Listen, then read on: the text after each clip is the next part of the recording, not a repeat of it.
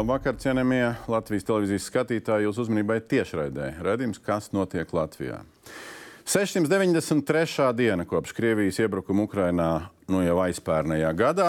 Tikmēr Latvijā gan uh, dienas kārtībā, gan temati saistīti ar ārēju iekšējo drošību, gan vis visādi saistībā ar sociālo uh, ekonomisko saimniekošanu. Šī vakara diskusijas tēma ir viens no tādiem tematiem. Viņš saistās ar mūsu visu, nu, kā es dažreiz mēdzu teikt, esošo un potenciālo pacientu maksājumiem, simtiem miljonu katru gadu. Uh, nu, vai arī ne ar kādiem miljoniem, ja mēs atceramies, ka veselību uh, izmērīt naudā vispār ir ļoti relatīvs jēdziens. Vakar valdībā uh, akceptēja veselības ministrijas informatīvo ziņojumu un attiecīgi tam pievienots tālāks pasākumu plānus um, saistībā ar zāļu finansiālo pieejamību, jeb zāļu cenu samazināšanu. Um, dažādas uh, ar nozari saistītas vai nozares organizācijas dažādi skatās uz šiem plāniem, uh, gan atbalstoši, gan noraidoši. Kādi ir vai nav uh, risinājumi, līdz kādām zemākām zāļu cenām Latvijā var vai nevar nonākt, uh, un vai tas viss ir veselības ministrijas plānā, par to, par to šī vakara saruna. Um, veselības ministrs mums šovakar nevar fiziski būt klāt, jo atgriežas uh, no aizrobežu komandējuma. Tāpēc otrā augstākā amatpersona veselības ministrijas - politiskā amatpersona. Parlamentārais sekretārs Arčuns Uršuļskis. Labvakar. Labvakar. Līdzās viņam pārstāvs no valsts iestādes ar stingri lielāku stāžu nekā parlamentārais sekretārs veselības ministrijā. No iestādes, kas gadiem vērtē to, kas notiek vai nenotiek zāļu industrijā, konkurences padomu. Tās loceklis Jānis Račko. Labvakar. Un visi pārējie dalībnieki ir nevalstiskais sektors. Trīs organizācijas ir atbalstošākas vairāk, un trīs ir iebilstošākas vairāk. Um, farmaceitu biedrības vadītāja Dārts Čikute. Labvakar. Uh, Līdzās viņai pacientu organizāciju tīkla vadītāja Baiba Ziemele. Labvakar. Uh, Mums attālināti uh, ir pievienojusies aptieku biedrības valdes priekšsēdētājas vietniece Aiga Zariņa. Labvakar! Labvakar! Un uh, trīs organizācijas te kritiskākajā pusē pret, šo, uh, pret šo, šiem projektiem. Uh, Latvijas farmaceitiskās aprūpas asociācija, tās izpildu direktora Kristīna Čkoviča. Labvakar. Um, Latvijas Nacionālā zāļu apgādes tātad lieltirgotāju asociācijas valsts loceklis Jānis Līpķens. Labvakar. Un uh, patentu brīvo medikamentu, ģenērisko arī sauc viņus tā. Uh, medikamentu asociācijas valdes priekšsēdētājs Egils Enārs Jurševits. Labvakar, bet kategoriski iebilstu pret, pret to, ka mēs bijām pret. Mēs Jūs nesaskaņojāt un bija iebildumi. Ministra kabineta mājaslapā. Nē, nebūs taisnība. Mēs konceptuāli atbalstījām. Un iebildāt daudzām lietām. priekšlikumu, mums bija savu priekšlikumu. Nu, kur redz, mēs pieņem, jau, daļai jau, sākam, jau sākam diskutēt. Ļoti labi.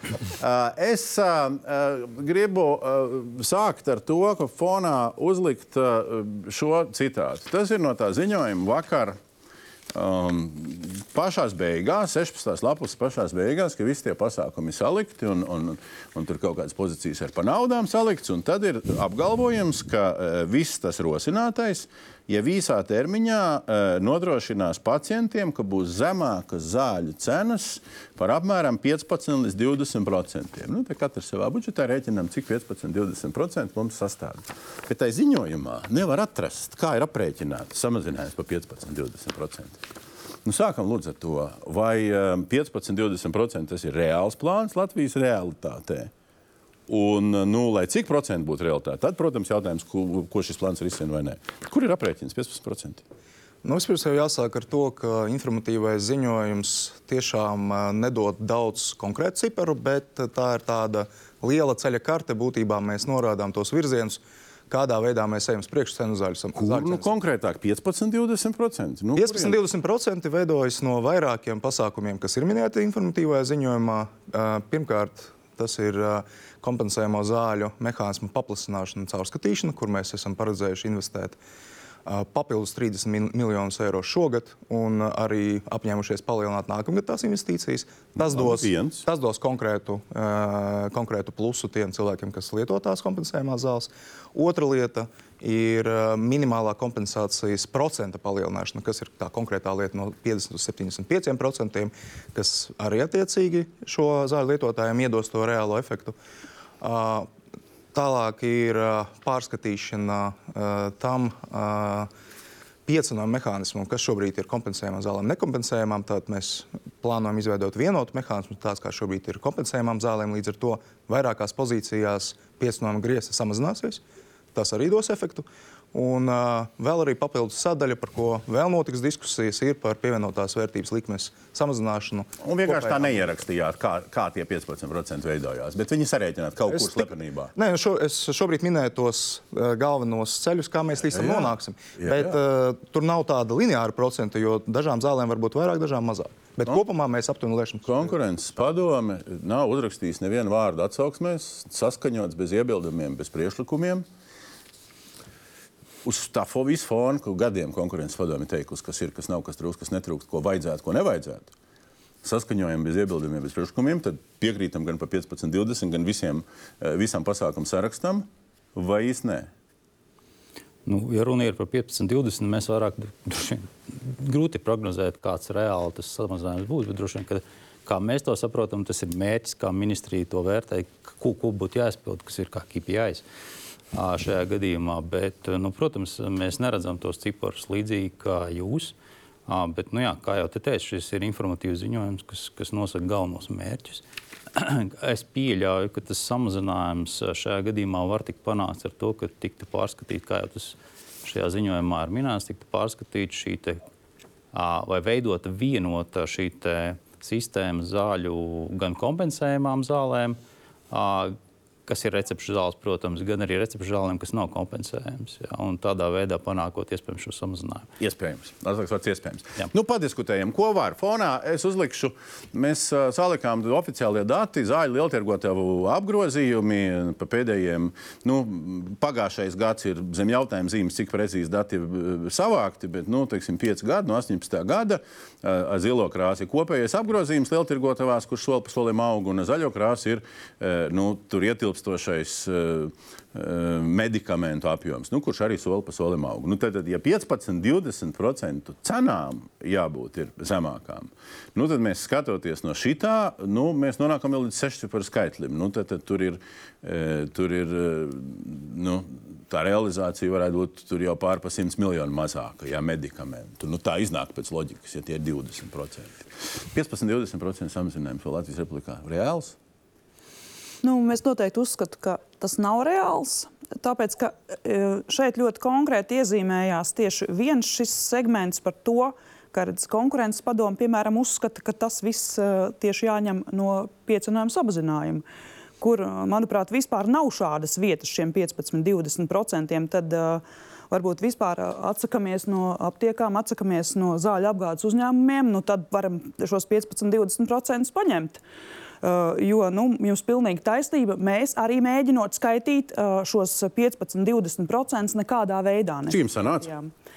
Nu, mums sanāca, tie, tie, ka mēs šo pilnībā nevaram atbalstīt. Sacīsim tā, bet nu, tur tiešām, ja izpildās viss uh, stāsts, kas, piemēram, ir uh, varbūt kādā no mūsu kaimiņu valstīm, uz kurām mēs uh, visu laiku uh, skatāmies un uh, mēģinām no viņām paņemt, tad tiešām maksājam farmaceitam par farmaceitisko aprūpi.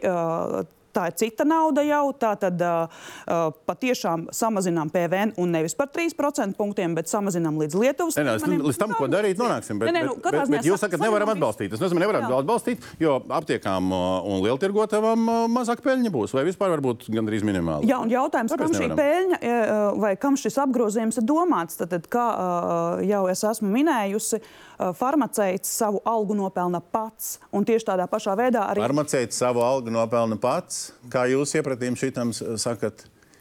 Eh, Mēs eh, ar eh, komersantiem, kas ir Jā. apgādājumi īpašnieki un farmaceiti, tā filozofiski iesākot šo sarunu uz visu farmaceitu, uz aptieku lietu, skatāmies tā kā eh, no pretējām pozīcijām.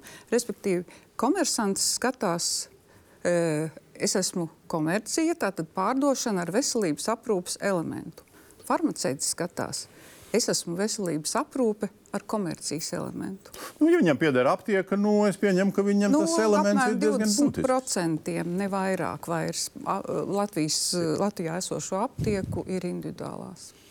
Nu, labi, un ko tas maina? Un ko tas maina ar, šo, ar šo skatu? Uh, skatoties filozofijā, jums tie 15, 20% uzzīmējās. E, Protams, nē, tur iztrūkst vārdiņš visu. Tur nav vārdiņš visu. Farmaceiti mēs esam tādi knauzerīgi.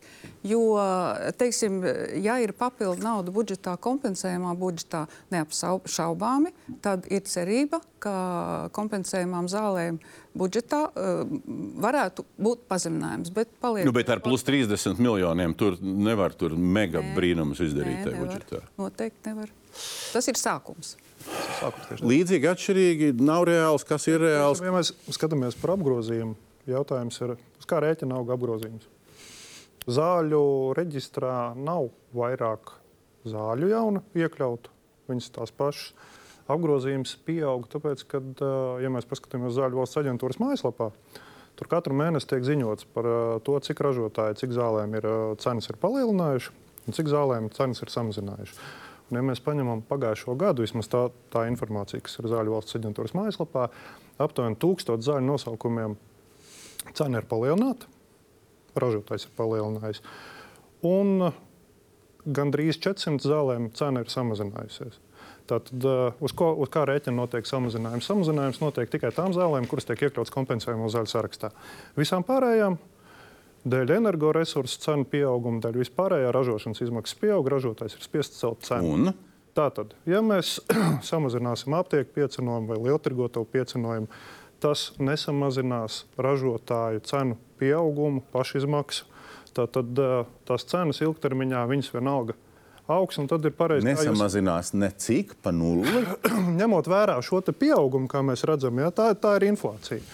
Tad, tad jautājums ir 15% vai 20% samazinās no kā? No tā stāvokļa, kāds bija pagājušajā gadā. Šogad tas bija, pare... tas bija labs jautājums. No kā? Es gribēju teikt, ka varbūt nevajag skatīties arī tikai uz vienu risinājumu, jo informatīvais ziņojums piedāvā vairākus kompleksus risinājumus, kādā veidā mēs arī sasniegsim to zāļu cenu samazināšanu. Protams, tas nenotiks tikai uz piecinājumu rēķina. Tas ir skaidrs. Arī tas, ka valsts jau tagad apņemas un jau gada sākumā ieguldīja papildus 20 miljonus, vēl 30 gada uh, gaitā kompensējumā zālēs, tas jau būs solis liels uz priekšu. Un tas arī iedos uh, rezultātu gala patērētājiem. Bet Jo tas būsim precīzi. mat- Valsts jau kompensēja pār par 220 miljoniem. Tieši tā. Ja Un, mēs ā, pieliksim 30 klāt, ir 11%, 11 ir- tikai tajā segmentā. 11% tikai tajā segmentā, protams, ar vienu soli to neatrisināt. Mēs gribam pakāpeniski kāpināt šo papildus finansējumu, bet viena remarka arī par apgrozījumu. Nu, varbūt nav arī tik lineāri, ka nokritīs tur par 100 miljoniem vai pat cik, jo jāņem vērā arī tas, ka arī pētījumi pierāda, ka aptuveni nedaudz zem 30% cilvēku, lieto zāles Latvijā, nevar atļauties nopirkt visas. Līdz ar to kaut kāda daļa no šiem pacientiem, tad, kad mēs panāksim to zāļu cenu samazinājumu, tā rocība varbūt arī ļaus iegādāties papildus zāles, ko viņi šobrīd neiegādā. Tā kā varbūt to apgrozījumu ir jāskatās kompleksāk. Zariņš kundze iesaistaties ā, nu, no attālinājuma, nu, skatoties caur droši vien nu, no jūsu puses caur mazāko aptieku prizmu, ne lielo tīklu prizmu. Nu, kurš te uz kā rēķina varētu ko cik tālu samazināt? Katrā ziņā mūsu neatkarīgo aptieku biedrības biedru viedoklis ir tāds, ka mēs šajā informatīvajā ziņojumā saskatām iespēju uzcenojuma modeļu maiņai ar cerību tādu, ko Veselības ministrija ir ierakstījusi, kad uh, mazināt aptieku atkarību no lieltirgotavām. Uz doto brīdi situācija ir tāda, ka piecinojums no medikamentiem nenosēdz pat aptiekas pamatdarbību, nenosēdz šīs farmaceitiskās aprūpes sniegšanu. Uh, Līdz ar to mēs šeit saskatām tiešām iespēju, ja šis piecinājuma cenu modelis tiek mainīts, tad, aptiek, tad viennozīmīgi nu, nenoņemot neko no aptiekas, jo noņemt no aptiekas vairs nav, ne, ne, nav, nav ko. Tur noņemt. vairs nav ko noņemt. Kas ir jūsu atkarība šobrīd no uh, lieltirgotavām? Šobrīd nav vienam noslēpums, ka aptiekas sadarbojas ar lielturgotavām un tādā veidā arī spēja nodrošināt savu pamatdarbību, tīpaši mazās aptiekas, laukos strādājošās aptiekas, kas ir lielākoties mūsu biedrības biedru aptiekas. Tā Nu, kas tagad, piecinojums- kas tagad uh, atrisināsies labāk? Kas tas būs nu, pacientam vienkāršiem vārdiem saprotamāk? Mēs paļaujamies uz veselības ministriju, ka viņi meklēs risinājumus. Ir, ir jau šādi tādi priekšlikumi izskanējuši. Mēs ceram uz to, ka PVN tiks mazināts. Mm. Mēs ceram uz to, ka varbūt veselības ministrija izskata iespēju kaut kādā veidā finansēt farmaceitiskās aprūpas pakalpojumu. Um, tādā veidā uzlabojot pacientiem par šo pieejamību. Labi, labi paldies. Jūs šeit kungs pūš tā smagi, tā, tāda bēdīgi. Nē, nu, es domāju, ka būtiskākais ieguldījums būtu, protams, nevis 30, 30 miljoni no, no, no budžeta, bet, protams, daudz lielāka summa. Jo Diemžēl es nedabūju atbildi uz to, kāds bija deficīts kompensējumām zālēm uz, 1, uz 31. decembra, 1. janvāri. Jā, jo pagājušā gada vēl, vēl, vēl vasaras vidū, kad mēs ar asociācijas valdu bijām Nacionālā veselības dien, dien, dienestā, tur bija apmēram 40 miljoni deficīts. Jūs gribat teikt, ka šie 30 miljoni iespējams lāpīs veco caurumu? Nezinu. Es, es paga, uh, Pagājušā gadā tika novirzīti 20 miljoni lāpīšanai, bet vai viņi pilnībā aizlāpīja, to es nezinu. Un iespējams, ka šie 30 miljoni vēl būs arī jālāpa. Ja? Tā, kā, tā kā pa piecenojumiem, ja mēs runājam, uh, Uh, nu, tas jautājums ir visai komplicēts. Tā viennozīmīgi pateikt, ka piecenojums samazinās un, un, un viss būs, vai paaugstinās, pareizāk sakot, būs ok. Mēs ražotāji uz to skatāmies, sevišķi patentu brīvie, skatāmies ļoti, ļoti uzmanīgi, jo galu beigās uh, sakarā ar piekto nodaļu tai ziņojumā, kas attiecās uz vertikālo integrāciju, uh, dabūs, dabūs ciest ražotāji bet gal galā tas attieksies arī uz pacientu maciņiem, ja, jo tā nauda jau gal galā nāks no pacienta. Tā kā tas jautājums nav tik vienkāršs. Un es vispār no. skatos diezgan skeptiski, bet, ja valsts, teiksim, kā ir ministra plānā, ka tie 30 miljoni nāk katru gadu klāt, tad, tad protams, perspektīvā mēs skatāmies optimistiski. Cits ministrs to plāno, tas jāpaturprātā vienmēr. Kas ir atbild par tiem 30 miljoniem? Ļoti īsi par to aizlāpīšanu. Tiešām pagājušā gada vidū tas saurums bija 40 miljoni pagājušā gada. Man liekas, septembrī, oktobrī bija 20 miljoni novirzīti cauruma aizlāpīšanai, un šī gada 1. janvārī ar lielo budžeta piešķīrumu vēl 20. Un, nu, tādējādi tie 40 miljoni aizlāpījās, un 30 ir plusā. Tagad, Tas nav izskanējis nekur publiskā telpā, diemžēl. Šobrīd izskan. Šobrīd izskan, jā. Šobrīd izskan. No pacientu organizācijas šito visu klausās un ir ko? Mazliet šaubīgas, mazliet cerīgas, ļoti cerīgas, re, ko redz par realistisku un ko par nereālu. Es domāju, ka mēs esam ļoti priecīgi par to, ka palielina kompensāciju no 50 līdz 75%, jo tā ir tāda lieta, ko mēs esam gadiem ilgi prasījuši. Mēs, protams, būtu sajūsmā, ja arī tiem pacientiem, kuriem apmaksā tikai 75% no medikamentiem, šo kompensāciju pacelt uz 100%. Mēs arī saprotam, ka mūsu valstī nav naudas. Tas, ko es nesaprotu no šī visa, ir kā 2024. gadā ar visiem datu apstrādes risinājumiem mums nav iespējams sarēķināt precīzi un parādīt arī visām iesaistītajām pusēm tos skaitļus, kā jūs arī norādījāt sākumā, kad, kur tas īsti ir apraksts. Jo mēs arī iepazināmies ar ziņojumu ļoti detalizēti, un tā tur vienkārši nav tādu skaitļu. Bet uh, kopumā mēs ticam, ka šie visi pasākumi kopā uzlabos to situāciju.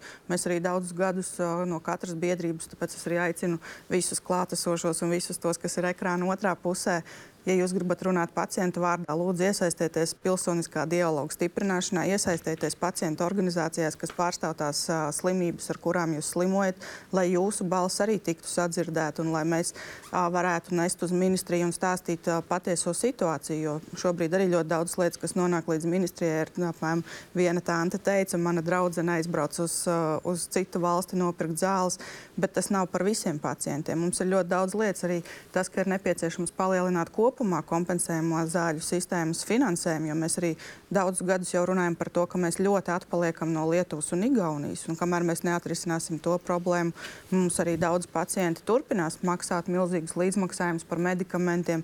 Cilvēki turpinās mirt no tā, ka viņiem nav kāda medikamenta. Nu, ja jūs aizcerat Lietuvu, Igauniju, nu paliekam pie, pie šī temata, jo tas, kas šeit ir uzrakstīts, ir uzrakstīts diezgan cieti un plakani. Uh, nu, plakani varbūt arī labs vārds. Viņš nav, nav obligāti slikts vārds. Ja? Bet uh, nu, ir definēts, ka vienādosim. vienādosim tās cenas ar Lietuvas un Igaunijas cenām. Tas, starp citu, ir punkts, pret ko jūs iebilstat. Nu, bet kompensācija jau viņas tagad tiek vienādotas. Jā, jā, jā, bet šeit, ja mēs runājam par recepšu zālēm visā plašā spektrā, ne tikai kompensējumās. Kāpēc nē, vai pie kādiem nosacījumiem jā, vai kā tas ir iespējams? Nu, ir diezgan, diezgan uh, problemātiski salīdzināt, ja tikai salīdzina cenu, teiksim, to gala cenu vairumtirdzniecības vai ražotāju, jo tur jāņem vērā arī citi aspekti. Jā. Tas ir, piemēram, no ražotāja viedokļa uzturmaksas, ko, es, ko mēs maksājam par katru reģistrācijas numuru. Tas tā tad, ja ir man piemēram, kāds medikaments X un viņam ir dažādas formas, tad man par katru formu, par katru numuru jāmaksā 900 eiro patreiz, jā, uz, uzturmaksa gadā.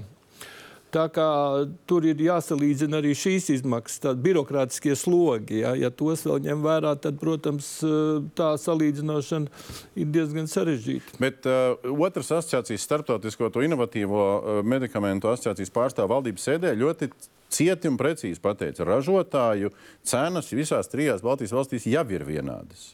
Tā ir. Arī no jūsu skatoties, attiecībā Nē. uz patentu brīvajiem es to nevaru teikt, ka visa, visiem ražotājiem viņas ir vienādas. Tā gluži nav. Ir ražotāji, kuri nosaka cenas kompensācijā, nekompensācijā atšķirīgi. Jā, to gan NVD nu, negrib pieļaut, jā, bet patiesībā dzīvē tas tā mēdz būt. Račkokungs, nu, it kā tir, ražotāji nu, tomēr tirgu. Regulētā, bet tirgu. Vairumtirgotāji vai lieltirgotājs regulētā, bet tirgu. Nu, tagad mēs ierakstām Lietuvas, Igaunijas eh, cenas nepārsniegs. Ne tie, ne tie. Nu, tas ir pie kādiem nosacījumiem reāli vai nereāli. Nu, kā jau te teicu, tā, tieši attiecībā uz kompensējumu medikamentiem jau pastāv šis references cenas novērtēšanas kritērijs. Un tad šajā gadījumā droši vien tas ir plānots piemērot arī attiecībā uz recepšu zālēm, bet kas netiek kompensēts. Uh, un arī uz kompensējumām zālēm, jo ne visas kompensējumās zāles, laikam, nu, ne visiem pacientiem ir pieejamas kompensācijas ietvaros. Dažreiz tā pati zāle ir pieejama arī teiksim, pacientam jāpērk par savu naudu. Tad šajā gadījumā tās cenas var atšķirties, kā es saprotu tieši. Ja kompensācijas ietvaros, tad valsts nosaka cenu. Ja tas ir nekompensācijas ietvaros recepts, jā, pacientam jāpērk par savu naudu, tad tas ir Šajā gadījumā nu, to ražotājs nosaka to paziņojumus, un šajā gadījumā būtu tikai normāli, ka jā, šīs cenas, nu, cenu veidošanās mehānismi tiktu vienādot. Tas, tas, atvainos, tas bija tieši mūsu patentu brīvo priekšlikums, jo mēs uzskatījām, ka tas nav taisnīgi, ka pacientam ar, ar, ar um, dažādām diagnozēm viena tā pati zāle ir jāpērk par dažādām cenām tas, tas, tas, tas priekšlikums nāca arī no mums, bet um, nu, ir jāņem vērā, ka bez šīs te, uh, finansiālās zāļu pieejamības pastāv arī fiziskā pieejamība. Un, diemžēl jautājums ne tikai Latvijā, bet Eiropā paliek ar vien asāks. Jā, tā kā mūsu tirgus, Latvijas tirgus nav tas pats pievilcīgākais zāļu ražotājiem. Tā kā mēs, es esmu ministrijā arī vairāk kārt atkārtojis, ka patreiz masveidā es negribu baidīt uh, publiku, publiku jā, ka, ka, ka nu, pat, nu, būs liels ziepes. Restīvi ražotāji var nospļauties uz mēs, mazo tirgu. Mēs, mēs vispār bišķiņi staigājam pa daži asmeni. Ja, jo man arī asociācijā biedri ir teikuši, ka viņi, viņi, viņi ņem ārā zāles, gatavojas ņemt ārā diezgan daudz zāles. Ja, un ja mēs, ja rindā mums būs jāstāv Eiropā, būs rindā jāstāv uz, uz, pēc zālēm, tad mūsu tirgus nebūs tas pirmais. Ja. Katrā ziņā mēs būsim kaut kur tur pavisam. Bet jau ņem ārā. Uh, jā, bet tas nenotiek masveidīgi. Bet, nu, es domāju, ka cilvēki arī zina, ka bieži vien ir sanāk, sanāk sevišķi ar antibakteriāliem preparātiem, antibiotikām, jā, kad, kad sanāk, sanāk problēmas. Jā. Arī nav reāli Baltijas uh, valstu cenu līmeņošana? Nu, Lietuva un Igaunija, manuprāt, ir tik daudz jau piesauktas šī, šajā visā procesā, ka man nākas vienkārši atkārtoties. Mēs atrodamies pilnīgi citās situācijās. Mums gan nodokļu sistēma ir cita, tad, tad tas, šis PVN konkrēti medikamentiem mums ir visaugstākais. Tāpat arī pieminētais kompensējumu zāļu saraksts mums ir vismaz par 34% šaurāks. Un ja šis viss uh, izpildās, tad vienā brīdī, protams, mēs varam nonākt pie kādas Lietuvas vai kādas Igaunijas sistēmas. Piemēram, Igaunijā maksā arī par uh, kompensējumās receptes apkalpošanu. Jā, mēs varam nonākt pie Lietuvas un Igaunijas, bet tad mums ir ļoti daudz mājas darbu jāizpilda. Šajā brīdī vienkārši deklaratīvā veidā tas, manuprāt, pilnīgi noteikti nav iespējams. Nē, nu... Be, bez, bez PVN ir domāts vienādas cenas, jo PVN ir tiešām dažādi. Nu, tas reāli. Nu. Mēs uh, skatāmies, ka ir vairāki tie mehānismi, kā nonākt. Un, uh, īsnībā PVN, protams, arī uh, varēs iedot uh, efektu iedzīvotājiem, bet mūsu skatījumā tas nav tas galvenais. Paga, pie Ja dažādiem PVN gala cena gribētu- ar, ar, ar, PVN nu, šeit ir domāta vienādi ar PVN. Nu, vienādi visā. Uh, nē, šis uh, mehānisms jau Raškaukungs ļoti precīzi pastāstīja. Tas references mehānisms jau eksistē te jau 20 gadus Latvijā kompensējumām zālēm, un tas ir arī tas, ko mums Pasaules veselības organizācija norāda. Tā ir tāda, nu, būtībā salīdzināties ir normāla prakse. Mēs šeit neieviešam neko revolucionāru. Em, Farmaceiti šo vērtē no praktiskā viedokļa. Tā ir iedzīvotāju nu, migrācija un iespēja vispār iegūt zāles. Un jau tagad uh, ietekme Lietuvas un Igaunijas cenu zinām ietekme. Viņa nav tikai uh, Latvija brauc uz Igauniju, piemēram, Igaunija brauc arī uz Latviju. Bet uh, nu, tāds apgalvojums Lietuva, Igaunija tas īsti nestrādās, ņemot vērā vēl uh, tūlīt nākošos plānus, nu, piemēram, pārrobežu e-recepti, ja, kur pirmās dalība valstis ar Latviju, kā farmaceitiem ir paziņots, būs Igaunija, Spānija, Portugāla, piemēram. Hmm. E, Šādi ministrijas plāni, ja viņi varbūt netiek tā skaļi diskutēti, bet e, mēs redzam, tā ir tā visa ietekme, kā visa Eiropa apmainās ar zālēm, kur iegādājas, kāda nāk signāli no cilvēkiem. Un, un tas būtu ļoti nopietni jāanalizē saistībā ar pieejamību pierobežās. Ja, jo, ja būs šī vienādotība, pārobeža e-recepte, e, mēs to esam pauduši kā vienkārši kā bažu, kā risku kas, kas varētu tuvākā laikā iestāties. Tāpēc, un šodien, starp citu, bija saimnes sociālo darbu lietu komisijas sēde, kurā farmaceitu biedrība mēs arī piedalījāmies. Tieši par šo apstākļu paši deputāti jāteic, izteica um, pārmetums un neizpratni, un ka viņi neuzskata, ka tas ir pareizi, jo, jo arguments deputāta Bērziņkunga arguments bija, te jau mēs varam arī benzīnu pateikt, mums vajag tā kā Lietuvā, te mēs varam maizi pateikt, mums vajag tā kā Lietuvā. Uh, Nu, skaidrs, ka varam pateikt. Nu, Vēlamies pa vienu centu lētāku. Jā? Protams, Jā, tā un kā- plakājam līdzekļu. ja mēs atgriežamies pie, pie šīm pašām cenām, kā jau raidījuma sākumā jau minēju, tad galvenais faktors, kas samazina zāļu cenu, ir iekļaušana šo te zāļu kompensējumu zāļu sarakstā. Tātad, ja mēs no, atpaliekam no kaimiņu valstīm par 34% budžetā, tas nozīmē, ka mums ir par 34% mazāk zāļu kompensējumu zāļu, budžet, nu, kompensējumu zāļu sarakstā. Tātad līdz ar to mēs šajā sadaļā nevaram salīdzināties ar lietuviešiem. uh, Zāļu cenā viņi, viņi, viņi, viņi būs defaultā lētāki, tāpēc, ka uh, viņi jau ir zāļu, kompensējumu zāļu sarakstā iekļauti.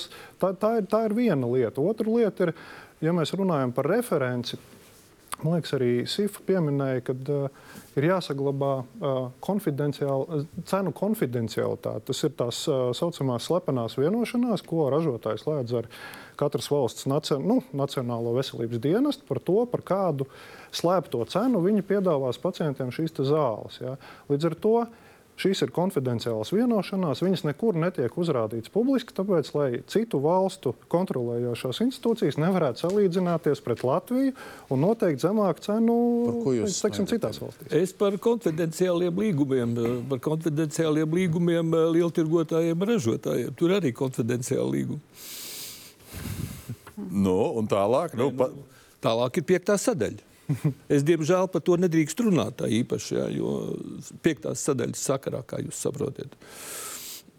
Mēs pie piektās sadaļas mēs atgriezīsimies. Ir atbilde uh, defaultā lētākas, tāpēc, ka uh, kompensējumu saraksts uh, kaimiņu valstī ir lielāks. Mēs nevienā brīdī arī kā veselības ministrija nenoliedzam, ka mēs atpaliekam no kaimiņu valstīm kompensējamo zāļu saraksta gan lielumā, gan arī diagnožu skaitā, gan arī zāļu skaitā. Tieši tāpēc caurumu aizlāpījām, papildus finansējumu paredzam nākamajos gados arī. Bet, uh, Papildus finansējums jau tos 34% nevar aizlāpīt. Precīzi, bet uh, tas, ko Lipņēnkungs pieminēja, attiecās tikai uz tām zālēm, kas ir kompensējumā zāļu sarakstā. Bez tām arī, arī- bez tām ir arī uh, recepšu zāles, kas nav kompensējamas, un uh, tur uh, cenu atšķirību veido lielākoties piecinojums, īpaši lielturgopie. Bet, ja Zaļņas kundze teica, mums vairs te ko uh, mazināt piecenojumā nav, tad uh, vai nu jūs uh, nepiekrītat viņai un sakat, tur arī ir ko vēl maz, mazināt, vai arī tad atliek tikai lieltirgoto piecu? Jautājums būtībā ir par to, ka ir divi piesauņu veidi, kas ir lieltirgotos un kas ir aptiekās, un tad arī sadalījums nekompensējumās, kompensējumās. Mūsu piedāvājums ir izveidot vienotu, aiziet no lielākajiem piesauņiem, bet arī varbūt neskatīties lineāri. Mēs vēl par to modeli domājam un skaitām, un, protams, arī vēl diskutēsim. Jā. Kad būsim gatavi nākt ar konkrētu piedāvājumu, mēs arī nāksim, nekavēsimies. Bet, protams, arī skatīsimies par to, kas notiek ar aptiekām, tīpaši ar aptiekām mazāk apdzīvotās vietās un tādās vietās, kur tikai viena aptieka kaut kādā nu, mm, kilometru radiusā. Nu, ko tad Bet, jūs tagad noteiksiet pēc, es nezinu, kritērijiem, iedzīvotāju blīvam kritērijiem, kurai konkrētai aptiekai piecinājums pārskatīt tā vai citādāk individuāli? Drīzāk varbūt tur ir vairāki veidi, kā to var izdarīt, bet viens no veidiem, ja ir kaut kādā vietā viena aptieka, tas ir diezgan acīmredzams kritērijs. Bet vēl viena tāda neliela remarka par to, ka mēs diskutējām par pieejamību kā tādu.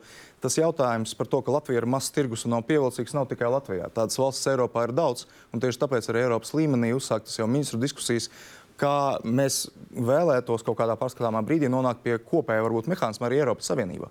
Kā notiek tas? Jo mēs neesam vienīgā valsts, kam tas tirgus ir mazs un varbūt mazāk pievilcīgs. Nu, tur visai Eiropai vēl ar tiem medicīnas ražotāju karteļiem vēl neviens vien jautājums jārisina. Protams, ir, ja? protams. Tā kā teikt, tā hops, tagad ministri te rītā satikās un parīt kaut ko izlēma. Uh, tā es negribētu teikt, ka es, ja es kļūdos pa karteļiem, nu tur iet vaļā vai ne?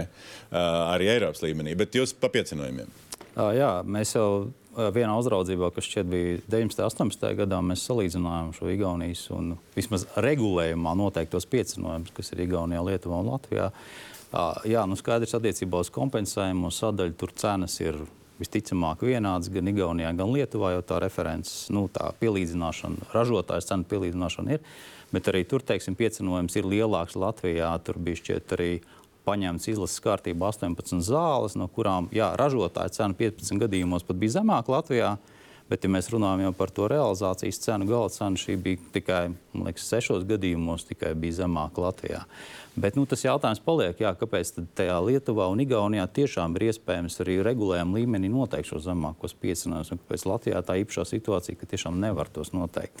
Mēs varbūt tādu atbildi tur nesniedzām ziņojumam, jo mums tā nav, bet nozara visu laiku sniedz to viedokli, ka mums ir ļoti atšķirīga situācija. Tāpēc tā ļoti gribētu dzirdēt to nozares viedokli par atšķirīgu situāciju. Tādu, Precīzāk. Kurš, kurš var atbildēt par atšķirīgo situāciju? Ir, ir nu, piemēram, nu, man jāsaka, te, te jābūt bišķiņa aptieku un lieltirgotāju pusē, kā, kā nu, piemēram, Igaunijā par recepti 250. Ja? Tas, tas atvieglo, protams, jā, to situāciju. Otrs par aptiekām runājot. Nu, Patreiz gan aptiekas mums tā kā, tā kā restorāni tagad varās ciet. Nu, es neesmu dzirdējis, ka aptiekas tagad vērtos dikti ciet. Ja? Tas ir viens. Otrs, mums aptiekas ir uz iedzīvotāju skaitu uh, kaut kur par 30% vairāk nekā Eiropā vidēji. Jā, mums, un viņas jāuztur. Par neatkarīgu, nu, mums, protams, ir arguments tas, ka mums iedzīvotāju blīvums ir maziņš, jā, un tā pieejamība atkal fiziskā tur tām aptiekām laukos, protams, ir grūti, un, protams, jautājums par neatkarīgām aptiekām, jā, viņš, protams, e, pastāv, jā, kā, ja tie piecinojumi tiek, pa, nu. Dar jums tāda atbildi nedara? Nē, nu, es piekrītu, ka viņas ir jāuztur, bet nu, tā, nu, es saprotu, ka tas problēma no, jūs, nu, no šīs atbildes kontekstā ir, ka mūsu sistēma ir neefektīvāka, ir vienkārši daudzāk vairāk aptiekas, ir lielākas izmaksas, nu, ko beigās sēdz gan valsts apmaksājot šos medikamentus, gan patērētājs, nu, kad viņš pats pērk šos medikamentus. Un tur nu, tā sistēma iespējams ir kaut kādā mērā efektīvāka, jo tas ir arī saistībā ar šo lauka aptieku jautājumu, kā to sabalansēt. Sistēma ir izveidojusi jau gadu, var teikt, desmitiem, jā, un, un vispār jābūt ļoti uzmanīgiem, lai tajā sistēmā kaut ko mainītu. Um, nu, es ļoti gribu redzēt, un, un, un kā tas būs tālāk ar konkrētiem ministru kabineta noteikumiem. Jā, tur strīdi būs ļoti smagi. Jā, tur būs tālākā virzība, būs vēl smagāka nekā patreiz tas bija tagad. Jā. Uh, tagad tikai ir iezīmēti tie ceļi, bet kā būs konkrēti, jau, jau tā kā es vēlu ministram uh, izturīt. Nē, nē vēlēt, vēlēšanas raidījumi tie, tie citi. Ja. Okay. Uh, to, ar to mēs te neaizrausimies. Bet parunājam tagad drusku vēl sīkāk par tiem aptiekām un, un, un tīkliem un, protams, pie, pie, piecinojumiem ziņojuma kontekstā. Nu, mēs te vienu citātu uzskatījām par vajadzīgu izcelt. Tas gan bija vairāk reaģējot, es domāju, uz Jučkeviča kundzes uh, izteikumiem. Uh, ka aptieku ķēdes, lielās ķēdes, nu, tad, tad, ko jūs pārstāvat, biedē sabiedrību, ka mazās aptiekas neizdzīvos. Tikmēr mēs ar mazo aptieku pārstāvjiem jau konstruktīvi strādājam un, un, un, un tā tālāk. Tā tālāk, tā tālāk. Zaļas kundze, cik tālu biedēšana? No jūsu kolēģiem vai konkurentiem, ka kāds var neizdzīvot pie kaut kāda punkta, vai kādi vai kādas aptiekas un viss ir konstruktīvi šobrīd. Un cik tā vēl galīgi nav skaidrs, vai neizdzīvos, vai konstruktīvi izstrādāsim. Nu, skaidrs ir viens, ja piecenojums aptiekai tiek mazināts, tad daļa lauka aptiek neizdzīvo. Tas ir viennozīmīgi. Cik liela daļa? Precīzi, es, protams, nevaru nu. Mums ir šobrīd 805, tur plus filiālis. Ja? Nu, var neizdzīvot viena, var neizdzīvot astoņas. Var neizdzīvot 78. Neviena neizdzīvos. Filā, filiāls neviena neizdzīvo. Es pateikšu, ka... Ļaujiet Zariņas kundzei pateikt versiju. Ja, ja piecinojumi mazina, filiāls vairs neizdzīvo. Principā jā, tā arī būtu. Jo, kā jau minēju jau iepriekš, kad no uzcenojuma nav iespējams nodrošināt uh, darbību aptiekas. Uh, nākošais bija jautājums par to konstruktīvo sadarbību. Jā, ar veselības ministriju ir daži, daži scenāriji, Eh, apspriest, bet ne pie kāda rezultāta. Protams, līdz šim vēl neesam nonākuši, jo ļoti daudz ir neskaidrību un nav, nav vienkārši atrast pareizo ceļu, lai aptiekas varētu dzīvot. Bet darbs notiek, un mēs jūtam, ka veselības ministrija tiešām redz arī mazās lauka aptiekas. Ir cerība, ka uh, tomēr tiks atrasts labākais risinājums. Ka tā pa, pa, pārāk pasabiedēja tomēr, ja? Jūs tā kā vairāk tajā pusē, ja? Kāpēc jūs biedējat to sabiedrību?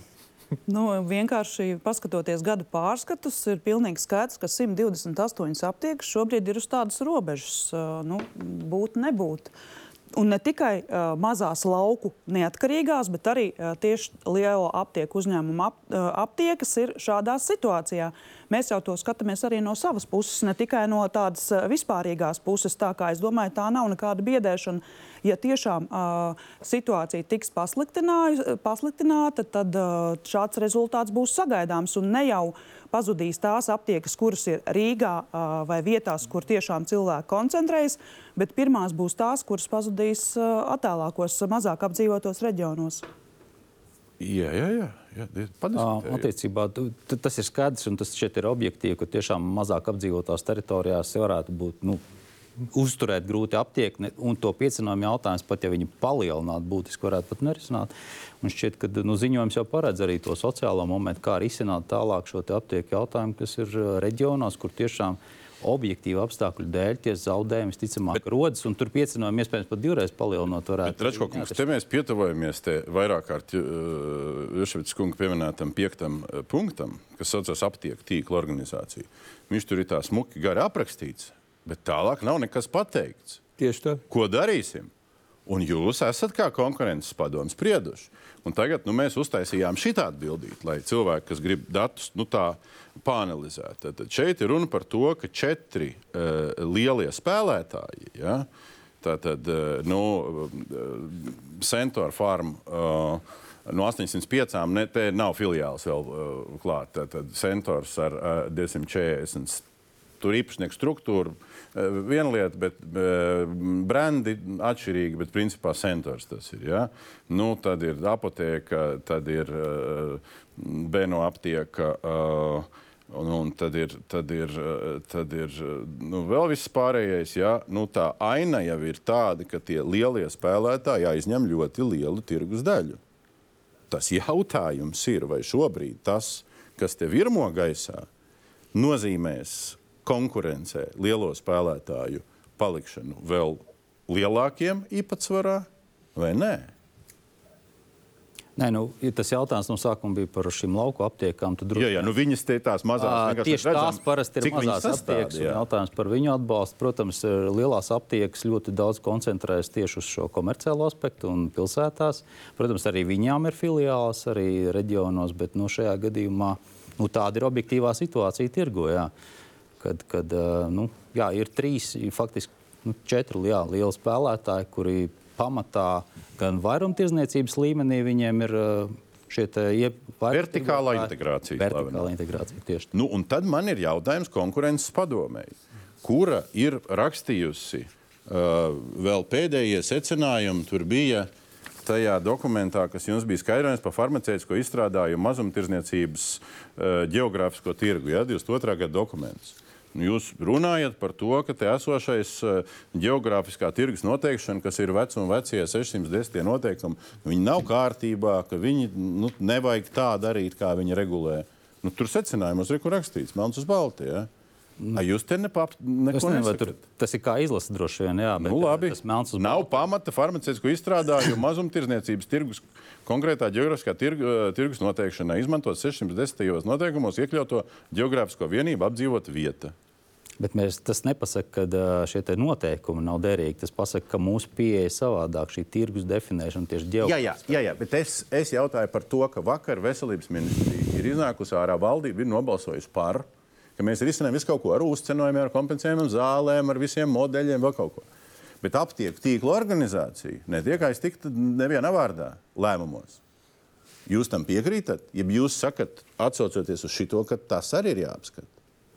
Nu, šajā gadījumā, protams, mēs to labprāt redzētu, kas tas tiek apskatīts. Bet nu, tāda, tā reālā situācija, Labprāt ko mēs redzētu. tagad, kā, kā viņu grozīt, ir sevišķi minot tos skaitļus, kas ir, ka mums ir, ko arī veselības ministrs šeit valdības sēdē minēja, kad ir šie aptieku skaits kopumā ir par 44% vidēji vairāk nekā nu, citās Eiropas Savienības valstīs.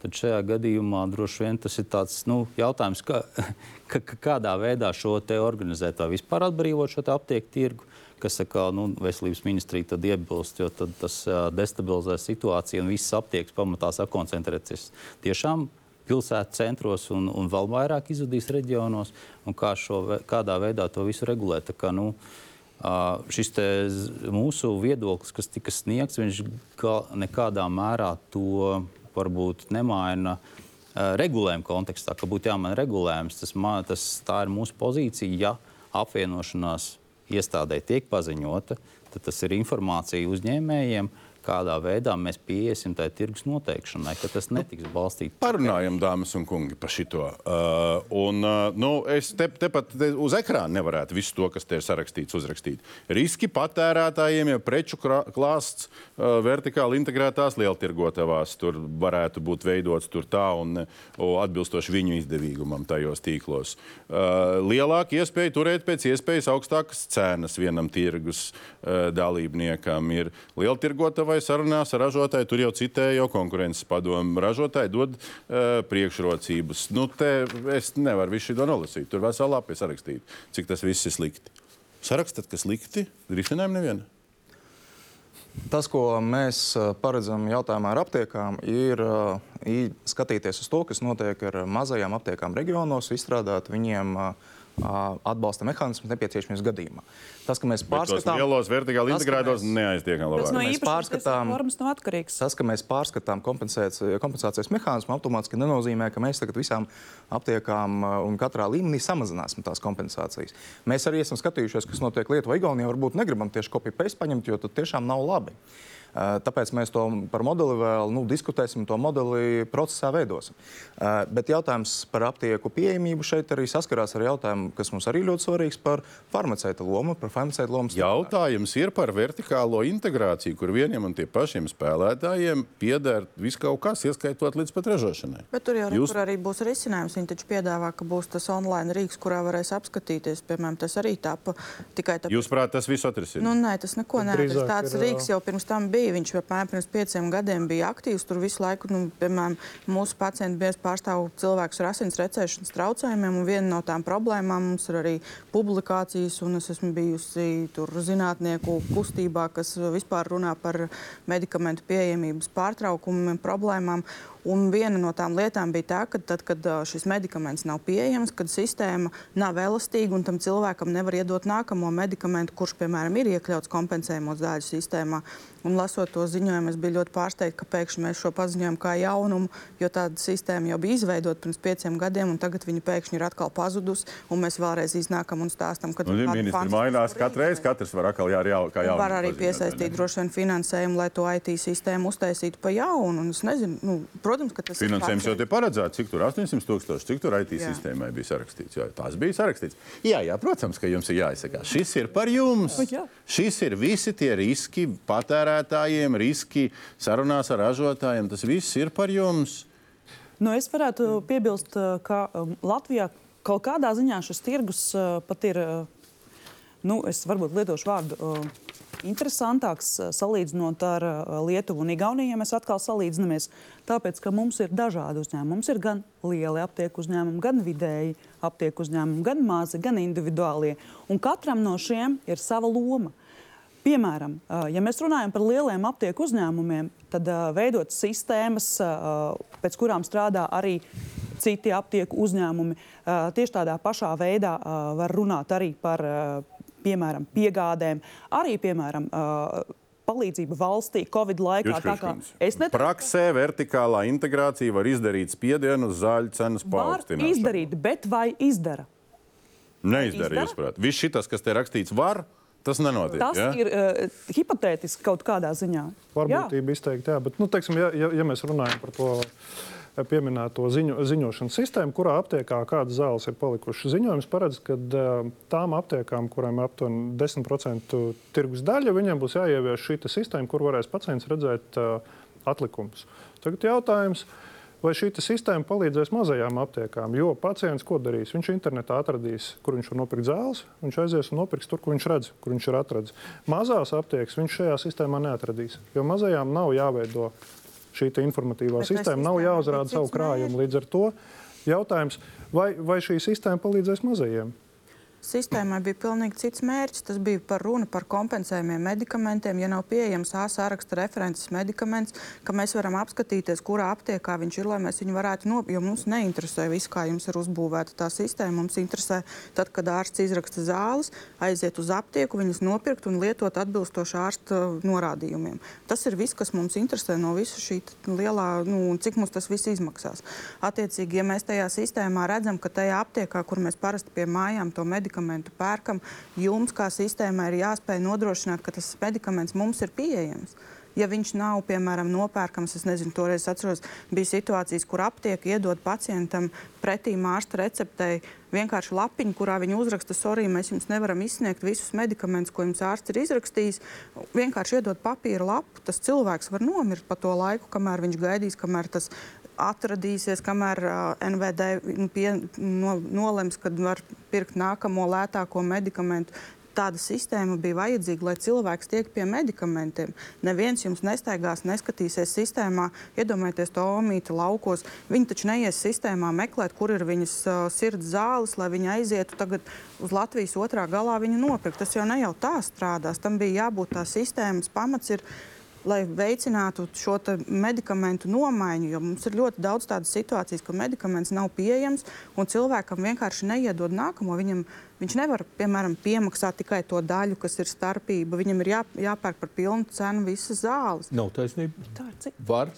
Ārsts uzskata, ka ir vajadzīgs viņam konkrētais medikaments. Es nerunāju par to situāciju. Es runāju par to situāciju, kad ir izrakstīts medikaments, kas ir A sarakstā kā references medikaments, un ja viņš ir, nav vislētākais, nākamo mēs pērkam par pilnu cenu. Nē, jā, runājam par divām dažādām sistēmām. Pamato indikāciju, kad viņam pacientam konkrētajam vajag šīs te zāles zāles. Tad viņš 30% gadījumu var izrakstīt, un pacients Jā. tad maksās tikai starpību. Tās ir divas dažādas sistēmas. Viena Jā. ir zāļu valsts aģentūras sistēma, kur, eh, jā, ja trūkst zāļu, tad var aizstāt ar nākamajām. Otra lieta ir tas, kas ir ierakstīts ziņojumā, kad aptiekām būs jāveido krājuma atlikumu sistēma, lai pacienti var redzēt, kurā aptiekā kādas zāles ir pieejamas. Ziņojumā ir ierakstīta šī, tieši šī tā saucamā drupaču lasīšanas sistēma, lai sameklētu tās atlikušos pārpalikumus, bet tajā pašā laikā ziņojumā nav ierakstīts E, redzējums, kā piepildīt plauktus ar precēm, lai viņas būtu pieejamas un lai nebūtu jāmeklē šīs drupačas pa visām aptiekām. Neierakstījāt, kā piepildīt plauktus? Lūdzu. Es nevarētu nosaukt to par drupaču lasīšanas sistēmu, jo īsnībā viena no tām lielām problēmām, ko mēs dzirdam arī no iedzīvotājiem, ka viņiem pat lielajās pilsētās meklējot viņiem nepieciešamās zāles, ir jābrauc 5, 6, 7 aptiekas. Kur nu vēl nu, kaut kādās attālākās teritorijās, kur aptieku mazāk. Tas, tas ir solis, kas iedos ērtību cilvēkiem, iedos ērtību pacientiem. Tas ir vērsts konkrēti šis tikai par to. Bet arī atceramies, protams, to, ka nu, informatīvs ziņojums tiešām iedod to lielo redzējumu, un par tām detaļām vēl diskusijas būs praktiski par katru punktu. Par neparedzējumu jums bija ko teikt? Mēs aizgājām prom no, Jā. no dažiem jautājumiem. E, viens no ieganstiem, faktiski, e, farmaceitu biedrība redzēja šo ziņojumu tapšanu īsajā laikā, kopš pēdējais min veselības ministrs ir uzsācis darbību, mēs to redzējām kā ieganstu sākt runāt par ļoti samilušām problēmām farmaceitiskajā aprūpē. E, neatņemams elements, lai cilvēks vispār tiktu pie zālēm, ir farmaceits. Un ja mēs runājam par aptiekām un uzcenojumiem, tad, kad uzcenojumiem veidoja formulu, Tā bija formula. Naudas masa bija atšķirīga. Aptiekās lielākā daļa produktu, ko pārdeva, bija zāles. E, laiki gāja diezgan lieli, formula nemainījās, mainījās būtiski aptieku sortiments. E, tagad uh, ir liela atšķirība, kuras aptiekas uh, tajā izplatītajā sortimentā, vai tur ir zāles, vai tur ir vienkārši uzturu bagātinātāji un citas preces. Un šie visi apstākļi, plus vēl farmaceita pieejamība, ir tie, kas uztrauc farmaceitus. Un, eh, ja runājam par laukiem, eh, izzudīs, neizzudīs, eh, iespējas draudēt, nedraudēt, iespējas ir ļoti lielas, ja tas skar farmaceita atalgojumu. Tātad farmaceita darbs nav automātisks, tā ir šī farmaceitiskā aprūpe, kad zāles ir jāizsniedz kopā ar konsultāciju. Ja farmaceitam alga ir jānopelna, kā darba devēja komersanti to skait, lai gan arī komersanti savu algu nopelna. Ja? Labi, bet ja uztrauc, ka, ko jūs redzat risinājumu šai, šajā virzienā? Kas Mēs redzam risinājumu paralēli runāt un diskutēt ministrijā un arī ar visām iesaistītām pusēm noteikti aptiekas kvalitātes kritēriju, jo, diemžēl, tas, kā pašlaik uh, tiek organizēts aptieku darbs, daudzos gadījumos no farmaceita puses nav pieņemams.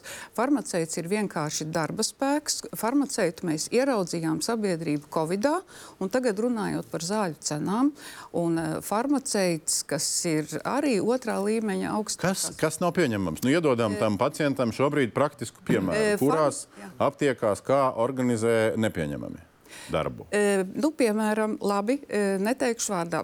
Tātad ka vajadzētu. Ir, ir dārgas, ļoti sarežģītas zāles, kuras pacientam ir jāiedod, un farmaceitam ir jāveic noteikti pienākumi. Ir e, noteikti nosacījumi zāļu lietošanas uzraudzībā. Ja? Viņas ir e, aktīvās vielas, kur farmaceitam ir jāuzdod jautājumi, reizēm viņam ir jādod līdz kādas speciālas e, instrukcijas. E, tā ir viena lieta. Ja? Un tātad šīs konsultācijas prasa laiku. Un, ja mēs redzam, ka mums ir atsevišķas aptiekas, kas atrodas ļoti tuvu būtiskām ārstniecības iestādēm, kur tieši šos sarežģītos medikamentus ārsti e, ordinē, un taisnākais ceļš ir aptiekā. Tad ir jautājums par farmaceitu skaitu šādā aptiekā, par farmaceita noslodzi, par farmaceitam atvēlēto laiku, ko viņš var runāt ar pacientu. Jūs sakat, ka tuvu ārstniecības iestādēm. Tās ir arī tās, kas ir iekšā ārstniecības iestādēs. Jā, jā, nē, nu, tas ir pamatot, tas ir normāli, bet ja mēs. Un tur ir tā nepieņemamā kvalitāte. Es nesaku, ka nepieņemam, bet farmaceiti ir pārslogoti. Farmaceiti, jā, viņi nespēja pilnībā cilvēkam nodot informāciju un konsultāciju, tāpēc, ka pakausī elpo nākošais pacients un darba devējs papildus resursus, arī cilvēku resursus, šādās aptiekās nu, kaut kādā veidā nepiesaista. Jo viņam šie resursi ir jāliek arī visās pārējās aptiekās. Es tikai tā, nu, pu publikas informēšanai, nu, vislielākie apgrozījumi. Nu, top trīniekā divi ir divās lielajās Rīgas Kliniskās universitātes slimnīcās esošo aptieku apgrozījumi. Ja? Nu, nu, tā. Dārgi medikamenti. Jā. Varbūt īsi komentāru par izskanējušo. Mēs tieši Kurš tāpēc... komentāru? Ministru, tas man kaitina. Fantastiski. Nav komentētāji. Varbūt žurnālisti vai politologi. Ministrijās nestrādā komentētāji. Es arī neesmu komentētājs, bet uh, labi reflektējot uz šo. Uh, tieši tāpēc mums arī uh, infoziņojumā ir un pievienojās sadaļa par farmaceitu lomu. Uh, mēs redzam iespēju stiprināt uh, farmaceitus Tīpaši ņemot vērā, ka arī sabiedrības aptaujas rāda, sabiedrība uzticas farmaceitiem. Nu, vienu piemēru, ar ko stiprināsim tos farmaceitus. Vēl mums ir par to jādiskutē. jādiskutē. Labi, atgriezīsimies. Viedokļi bišķi- šeit ir dažādi. Mums ir jādiskutē. Uh, Atgriezīsimies Zariņš kundze, ie- ielieciet savus piecus kapeikus un pēc tam Jūševits kungs un, un kas vēl par to vertikālo integrāciju. Cik lielā mērā šis stāsts, kad ir vienam un tā pašam spēlētājam lieltirgotava, aptieku tīkls, kam ražošana vēl arī vai, vai nu, zāļu izrakstīšana, tas ir jēdziens, kas figurē uh, tajā ziņojumā. Cik lielā mērā tas ir riski? Problēmas, nu, ja jūs skatāties no neatkarīgo aptieku viedokļa, un cik lielā mērā ziņojumā redzamais to risina vai nerisina? Nu, ziņojumā īsti risinājumu vertikālo integrāciju risinājumus es nekādus nesaredzēju. Riski, kā piemēram, es varu minēt deficīta zāles, kas tagad ir gana aktuāla problēma. Pie deficīta zālēm neatkarīgām aptiekām ir tikt samērā grūti. Es pieļauju, ka vertikāli integrētā aptiekā tas ceļš ir pavisam savādāks. Nu, tas ir no mūsu ikdienas dzīves, ko mēs redzam. Un risinājumus jūs neredzat? Nu, ziņojumā katrā ziņā nekāda risinājuma nav raduši veselības ministrija. Ko jūs redzat vai neredzat ziņojumā? Nē, nu, katrā ziņā ziņojumā e, tie riski ir atspoguļoti diezgan precīzi. Jā. Situācijas atspoguļojums ir precīzs, bet, ja mēs skatāmies, tad šis ziņojums jau ir zināmā mērā ar bārdu. Viņam, man liekas, jau būs kaut kur pirmsākuma, ir kaut kur divi gadi atpakaļ. Vairāk. Sākumā bija 76 lapspusēm viņš. Jā. Un tur dažādos etapos bija arī ielikti risinājumi. Jā. Vēl pat nesen bija risinājumi attiecībā uz uh, atlaižu lieltirgotāju, ražotāju atlaižu publiskošanu, kas patreiz ir konfidenciāls, par atlaižu aizliekšanu. No aizliekšana te figurē tagad. Uh, nu, Jeb tās ir vēl citas atlaides. Nē, tur, tur risinājumos viņa nebija. Viņa vairs pēdējā es neatradu tādu lietu, vai ne? Atlaides, man liekas, bija runa par tieši par to, kas notiek aptiekās, bet te ir arī divas sadaļas. Jā, jā, jā bet par raž, ražotāju, par ražotāju un... lieltirgotāju. Jā, jā, jā. Tie ir divi- Un es varu minēt vienu piemēru ar Poliju. Polijā, piemēram, eh, viens aptieku tīkls nedrīkst pārsniegt 10% no tirgus. Un otrs atlaides ir aizliegts. Ražotāji, lieltirgotāji atlaides ir vispār aizliegts. Tāpēc no ražotāja viedokļa šis tirgus ir, ir, ir mums tāds interesantāks. Jo, jo, protams, ja tās atlaides būtu publiskotas, tad mēs ieraudzītu ļoti interesantas lietas. Neapubliskojam, ne? Kāpēc? Ne? Nu, viņas ir Nē, konfidenciālas. nē, es tāpēc es skatos uz lieltirgotājiem. Publiskojam, kas pa vainu, polijas piemērs. Polijas piemērs, polijas piemērs. Jau paši, paši, paši, paši ražotāji jau arī saka par saviem konfidencialitātes līgumiem un tā tālāk. Ja? Bet jautājums ir, kādas atlaides? Piemēram, ā, lieltirgotavu nopērk lielu apjomu, noliek savā lieltirgotavā, tur krājumu, viņi par to saņem atlaidi. Tātad, ja šī atlaide tiek aizliegta, nav jēga turēt krājumu, un kur mēs atgriežamies pie drupaču lasīšanas aptiekās. Ja? Tā kā nu, te, te, te nav vienkārši vie- viena balta vai melna. Tas, ja? tas jautājums ir kaut kur pa vidu. Drupačas veicināt. Nē, nu es, es varu teikt, arī ražotāji, ražotāji, kas labprāt arī piedāvā tās atlaides. Jā, nenoliedzam, bet ir arī situācijas, kad atlaides tiek pieprasītas. Jā, un ir, ir, ir situācijas manā praksē arī, kad mums gadu nav līgums noslēgts ar, ar lieltirgotāju, dēļ tā, ka mēs nevaram vienoties par, par normāliem nosacījumiem. Jā. Latvijā ir 80 lieltirgotavs. Jā, jā, tikai tas, tas pēdējā gala varbūt viņām ir viena aptieka, jā, vai vispār nav aptieka. Kāda, nu, redzam, kāds ir sadalījums. eh, ir pieder četrām, četrām lielākajām, lielākajiem tīkliem, pieder 85%. 86. Jā, par vertikālo integrāciju tur ir, protams, pozitīvā puse. Tas, nu, varbūt, tas pat nav slikti, ka teiksim, tā, šīs te grupas spēja panākt atlaides no ražotājiem. Jā, lētākas cenas. Jautājums, protams, vai šīs cenas tālāk Vai arī līdz nonāk pacientam nonāk? pacientam. Tieši tā. Tas ir galvenais tas jautājums. Nu, viņas jāsaka godīgi, ka viņas, cik es zinu, nonāk daļai ir pie neatkarīgām aptiekām. Jā, lai viņas varētu izdzīvot, lieltirgotāji dod arī neatkarīgām aptiekām. vai Ne, Man varbūt Dod neatkarīgām aptiekām Zaļņas kundze. Atlaides. Nu, es jau pirmie minēju par šo te aptieku atkarību no lielturgotavām. Nu, tas arī termins ietver jūsu minēto. Jā, attiecībā uz vertikālo integrāciju droši vien ziņojums, nu, vismaz mūsu skatījumā, tā eventuāli iespējams risina vēl citus aspektus. Viens ir, protams, vertikālā integrācija rada to, ka vairumtirgotājs ir ieinteresēts primāri izplatīt savā tīklā šīs zāles. Iespējams, liedzot šīs, nu, neksim tā, nu, oficiāli to nedarot, bet nu, tā rakstveidā, bet nu, iespējams kā, kaut kādā veidā to ierobežot citiem tīkliem vai sevišķi neatkarīgām aptiekām. Ja viņas pacients aiziet uz aptieku, iespējams, tā aptiekta nemaz nevar šīs zāles dabūt. Ja, ja arī, lai arī šīs zāles varbūt, varbūt ir kādā noliktavā, no, piezvanot, noskaidros, ka varbūt tajā brīdī viņas nav. Tāpēc ir šī nepieciešamība tiešām pēc šīs sistēmas. Es gribētu piebilst par tām deficīta zālēm. Mēs esam bijuši arī konkurences padomē rakstījuši kad uh, ražotāji piešķir kvotas un teiksim, vairāk nav. Ja, tad, tā, tik cik atved, tad mums ir jāsadala visiem nu, gribētājiem. Tas ir cits aspekts. Jā, teiksim, un un atbilde no konkurences padomus bija tāda, ka nu, kvotas ir normāli, jo savādāk jūs tur eksportēsiet vai vēl kaut ko darīsiet. Ja. E, mēs atgriežamies pie krājumiem. Mēs atgriežamies pie krājumiem, kad mums ir vajadzīgi krājumi. Ja. Kas notiek, ja mums aizvarās robežas ciet, cik ilgi mēs ar tiem krājumiem, kas mums ir, cik mēs ilgi izdzīvosim. Kā, kā, kā jau es vairāk, jau vairāk kārtīgi minēju, Covid parādīja mums, ka eh, mēs neesam gatavi ilgstoši. Jā, ja teiksim, valsts aiz, aizslēdz savus robežas, mums apstājās piegādes. Mēs principā nu, nedēļu, divas varam normāli funkcionēt, pēc tam mums sākās problēmas. Arī, arī Ukraiņas jautājums parādīja, ka uh, ir jāgatavojas krīzes situācijām, pat arī tad, kad mēs savācām ziedojumus, lai aizsūtītu Ukraiņai ļoti ilgi birokrātiski šķēršļi tika likti tam, lai mēs varētu nosūtīt šīs kravas. Ja? Vairākus mēnešus stāvēja, un, un, un tas lielākā bažas ir tāda, ko mēs darīsim, ja mums vajadzēs palīdzību, pēc cik ilga laika mēs viņu varēsim saņemt no ārzemēm. Ja?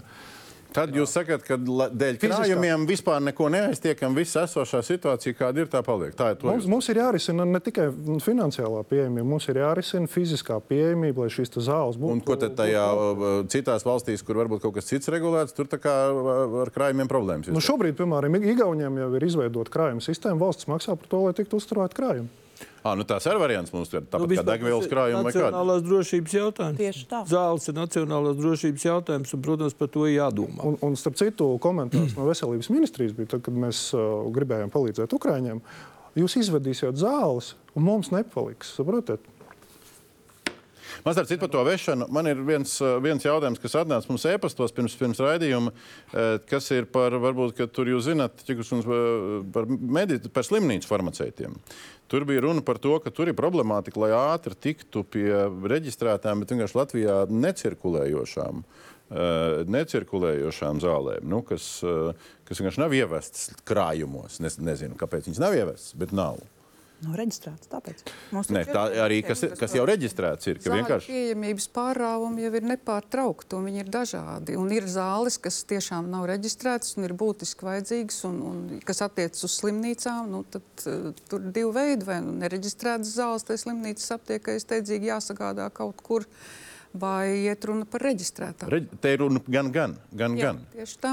Un abos gadījumos tas ir um, farmaceita darbs, uzdevums, sadarbība, bet nu, slimnīca apgāde tas tomēr ir kaut kas cits, tas tā kā ar vertikālo integrāciju. Jā, jā, jā ar, ar, ar to nē. Bet labi, atgriežoties uh, vēlreiz pie, tā, pie, tā, pie tām aptiekām un, un uh, un tīkliem un netīkliem. Nu, vēl viena bilde, ko mēs uh, uztaisījām. Ilgi mocījāmies, bet uztaisījām salīdzinoši uztveram. Tas par pilsētām un, un, un, un novadiem. Tur tie plusiņi ir uh, aptiekas plus.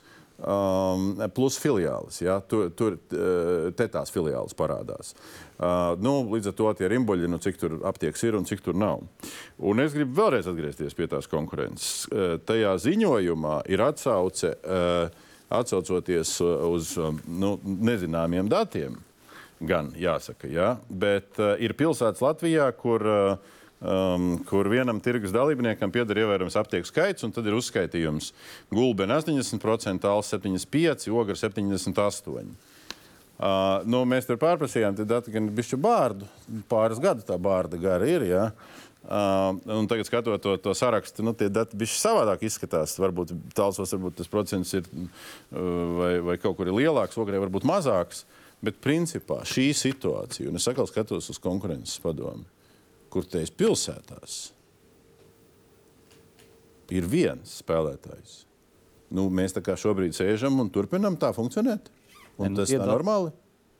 tie dati, kas tur ir pieejami, ir vienkārši nu, publiski. Tā, tā, tā informācija nav posta, jo mēs parasti ne, nu, konfidenciālu informāciju neizpaužam publiskā ziņojumā. Bet, protams, tur, tur bija konkrēta informācija, kas iegūta par konkrētiem tīkliem, kas ir. Jā, bet, nu, bet to jau var redzēt arī no publiskas informācijas. Bet, nu, jā, nu, tas, tas, tas, varbūt, tas, tas, tas, tas ir jautājums atkal par vienu citu noteikumiem, kas regulē aptieku izvietojumu kritērijus. Jautājums, vai tie, tie tiek. Uh, uzturēt tādā veidā, kā ir.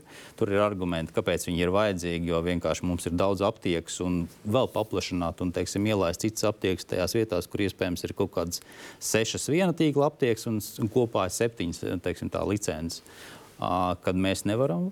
Nu, tad ir jautājums, jā, kā, kā, kādā veidā to risina. Un pagaidām, teiksim, ienākt jauniem tirgus dalībniekiem tajos geogrāfiskos tirgos, nu, ierobežošie noteikumi Bet ir otrs aspekts, jā, kur saka, ka mums aptieku ir par daudz, jā, jā, jā. pietrūks tieši lauka apvidos. Bet ko jūs ar to sakat? Problēma ir, bet viņu atrisināt vairs nevar, tāpēc, ka tirgus sadalījās tā, kā viņš Nē, sadalījās? To var atrisināt, iespējams, ja pieķers šiem noteikumiem par aptieku izvietojumu kritērijiem. Viņiem taču visu laiku kāds pieķers. Viņi nu, nē, laiku, nē, ķeras gan. Nu, bet vai agrāk nebija tie konkurences kritēriji, ko mērīja miljonos, un, un kopējais tirgus nebija šī mazā pilsēta, bet uh, pret citu tirgu atskaites sistēma bija cita. Un tad pamazām, pamazām, pamazām nu, lielie tīkli, jāsaka, apēda tās mazās. Un no farmaceita skatu punkta nu, tas ir monopols. Tā ir ietekme uz farmaceita atalgojumu, uz darba vietu, uz noslodzi. Bet es sapratu, ka atskaites sistēma bija vienot lielais Latvijas tirgus, nevis jau tas lokālais tirgus, kur tā lokālā konkurence būtu ar cenām kaut vai. Ko jūs varat liekt, likt pretī tirgus sagrābēji? Nu, jūs, nu, jūs pārstāvat šos tirgus sagrābējus primāri. Strādājat vienā no kompānijām, pati, nu, kas ir lielais īpašnieks lielākajiem spēlētājiem. Nu, jāsaka tā, ka pie šiem noteikumiem ir ķērušies laiku pa laikam kāds skatās, bet nu, jāsaka arī tas, ka jebkurā gadījumā šīs aptiekas, kas ir attālākos reģionos, ir diezgan Nu, vienmēr riskantāks ir tieši šis stāsts par aptiekām, kuras atrodas attālākajos reģionos. Visdrīzāk tāpēc arī šie noteikumi nav tālāk virzījušies, jo šie riski tieši attiecināti un attiecas uz šādām aptiekām. Tā kā, kā jau es sacīju, mūsu, tirgus, mūsu valsts tirgus īpatnība ir šī. Ūdens galva, kurā ir šīs aptiekas, kurā cilvēki balso ar kājām un dodas uz šīm aptiekām. Līdz ar to tās ir rentablas. Savukārt stāsts par, par aptiekām ārpus ir mazliet cits. Nu, kā nu bet, pilsētās, problēma, kas tur nerentabli? Bet problēma, bet problēma, piemēram, ar šiem izvietojumu kritērijiem, ja jau mēs pie, par to runājam, vienmēr ir tā, ka mēs arī šobrīd īsti nezinām, kāds ir šis farmācijas jomas redzējums, ko tad valsts mums saka. Vai valsts saka, mēs vēlamies lielas aptiekas, nezinu, mazāk aptieku, vai tās būs lielas, pilnas ar pakalpojumiem, pilnas ar farmaceitisko aprūpu, un tad uz, mēs uz to orientējamies. Ja tomēr mēs sakam, turieties pie mazajām aptiekām, turieties pie, skait, eh, pie aptieku skaita, eh, jo citādi risks ir, ka jūs, piemēram, pazaudēsiet licences. Manuprāt, šis stāsts ir par to, bet šādu eh, redzējumu mēs jau gadiem ilgi neesam redzējuši. Un Šajā gadā arī nav redzējuma. Viens no, iemesliem, viens no iemesliem, kāpēc vairākiem iepriekšējiem ministriem nav izdevies aiznest infoziņojumu un apstiprināt to, bet Hosmam ir izdevies, ir tas, ka šajā infoziņojumā nu, mēs nekaramies pilnīgi pie visa lauka mēs pieturamies pie galvenajām lietām. Galvenā lieta ir tā, tas cenas samazinājums. Klienta, klientam, pacientam. Tas ir tas, uz ko mēs strādājam primāri. Bet, šitas, uh, jautājums... Tas bija ļoti interesanti. Tad jūs tikko pateicāt, ka, ja nestu aptieku izvietojuma kritērijus, tad uh, Evika Siliņas vadītajā jaunās vienotības ZZS un progresīvā valdībā tas neiziet cauri. Nē, no šīs es... vietas ļoti konkrēti. Nē, tā, tā nu gluži es nepateicu. Bet, nu, uh, kā ai... jūs pateicāt citādi? Visi iepriekš nesa un nesanāca. Damarakungs. Tagad nenesām, nesām bez šitā un sanāca. Uh, varbūt būtu sanācis. Uh, redziet, uh, mēs šajā informatīvā ziņojumā koncentrējamies uz vairākām lietām. Jā. Mēs saņēmām ļoti daudz ierosinājumus, gan priekšlikumus, gan iebildumus no visas nozares. Tas nozīmē, ka tiešām nu, par to mēs esam pateicīgi. Tur ir jāiegulda liela. Kundze, ļoti bet... precīzs jautājums. Kāds ir redzējums par šo jautājumu? Mūsu... Tādas, šādas, daudz, maz, mūsu, mazās, mūsu, mūsu tāds konceptuālais redzējums, jā, mēs redzam, ka 44% mums ir uh, lielāks aptieku skaits nekā vidējo OECD valstīs uz vienu iedzīvotāju. Tas tā ir. Bet uh, saprotam arī to, ka iedzīvotāju blīvums ir dažāds. Tas ir normāls apvietojums. 805 ar 70 nu, filiāliem normāls. Mēs, uh, ne, Vairāk nevajag, nenormāls. Tas ir, tas ir daudz. Tas tiešām par daudz. Nē, nu, mums ir svarīgākais, kas notiek ar mazajām aptiekām un kas notiek ar tām vietām, kur to aptieku ir mazāk. Redzējumi. Tas ir mums vissvarīgākais. Nu, tās aptiekas mēs īpaši atbalstām, lai tā pieeja. Pārējās, ir, lai rullē, kā ir sanācis. Atbalstām farmaceitus. Un par pārējo tā diskusija var atklāt. Nu, nav koncepcija jā, patreiz jā. ministrijai nemoki. Jā, jā, nevajag. Nē, nu pagaid, ko man citu darīt? Nu, nav patreiz risinājumi. Diskusija ir atklāta par to. Nu. Par konkurenci runājot, ja, ja piepildīsies veselības ministrijas ziņojumā minētais, un ieviesīs uh, piecinājumu modeli kompen kā kompensējumam zālēm, visām zālēm. Uh, Palielam jau konkurence ar cenu būs iznīcināta saknē, Jo tāpēc, kad kompensējumās zāles izplatīta tikai un vienīgi par Nacionālo veselības dienas noteiktu cenu. Tātad visās aptiekās cena būs vienāda. Nav pilnīgi vienalga, kāds tur nosaukums. Tā, aizies, ja tas aiziet tik cieti, tad jā. Ja, ja cilvēks aizies, viņam vienalga kāda izkārta, nu tā tālāk varbūt viņš nu, aizies pie, pie tā farmaceita, kurš viņam labāk patīk, vai kurš labāk runā un, un draudzīgāks atcerās viņu. Vai pie pārdevēja, kas nav farmaceits. Bet, bet konkurence par cenām saglabāsies. Tik cieti jau patreiz jā, ir arī domāts tagad. Jā. Tik cieti jau arī tas ir. Un, otra lieta, ko gribētu pieminēt, arī mēs te runājam uh, tur vienu vai divas aptiekas apdzīvotā vietā. Jautājums ir, cik būtiski tās cenas tur atšķirās. Ja? Vai, teiksim, tā, tā paša tīkla ietvaros, vai cena, cena mazā miestā atšķirās no cenas Rīgā? Nu, viens rādītājs tomēr ir aptiekas rentabilitātei, iedzīvotāju skaits, ko viņi apkalpo. Latvijā viņš ir eh, ļoti, ļoti mazs, pat labam vidējais uz vienu aptieku vidēji apmēram 2300, kas ir katastrofāli. Piemēram, attīstītās valstīs, kur ir farmaceitiskā aprūpe līmenī, eh, ir uz vienu aptieku 14 tūkstoši iedzīvotāji. Nu, tad par ko mēs runājam? Par šādām sīkbodītēm. Ja?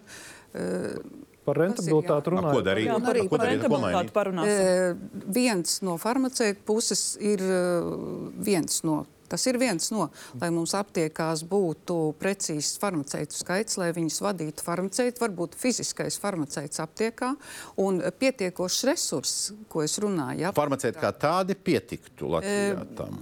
Viņi skaitliski uz papīra pietiktu, jo papīra, skaitās jā. pat labā nu, vidēji uz vienu, vidēji uz vienu mm. aptieku divu farmaceitu 1,6 asistenti. Ja. Bet mums ir aptiekas, kur ir 23 farmaceiti. Mums... 23? Jā, protams, lielās. No nav slikti. Nu, liela aptieka. Jā. Bet, uh, tas, ir, nu, tas ir farmaceitiskās aprūpes kvalitāte, kas iedzīvotājiem vajadzīgs, lai viņš šīs zāles lietotu pareizi, nevis tikai saņemtu kastīti. Pievienoties Čikutas kundzes sacītēm, mēs tomēr gribēju atgriezties pie informatīvā ziņojuma un stāst par to, vai, piemēram, kompensējumu medikamentu sistēmas apkalpošana aptiekām ir rentabla. Mēs esam sarēķinājuši, ka tas nav rentabli, un šī brīdī es tiešām Uh, gribēšu redzēt, kādi būs šie jaunie vienotie piecenojumi receptūrai un kompensācijai. Ja jau mēs pašlaik zinām, ka aptiekas uh, nav rentablas kompensējumās sistēmas apkalpošanā, Kāda tad būs šī situācija? Aizceroties aiz vārdiem, gribē, gribējuši redzēt, mēģinām noslēdzošās tagad 10-15 minūtes, nu, ko mēs gribam redzēt un ko mēs negribam redzēt tuvākos mēnešos. Jo vakardienas valdības lēmums paredz, kas līdz 1. aprīlim, kas līdz 1. jūlijam, kas līdz nākamā gada 1. janvārim. Un te mēs tagad soli pa solim izrunājām par to, nu, kas vēl varētu būt gan farmaceita sakarā, gan kas vēl ir aiz, aiz borta citos sakaros un infosistēmas un ko, ko tik mēs te neizrunājam. Eh, mēģinam savilkt katrs kopā. Ko mēs eh, te gribētu eh, redzēt, kā risinātu no konceptuālā virziena, kā viņš te šobrīd tiek definēts kurā virzienā. Jo nu, valdības lēmums ir, nu, patīkams viņam nepatīk īri, ja viņš jāpild.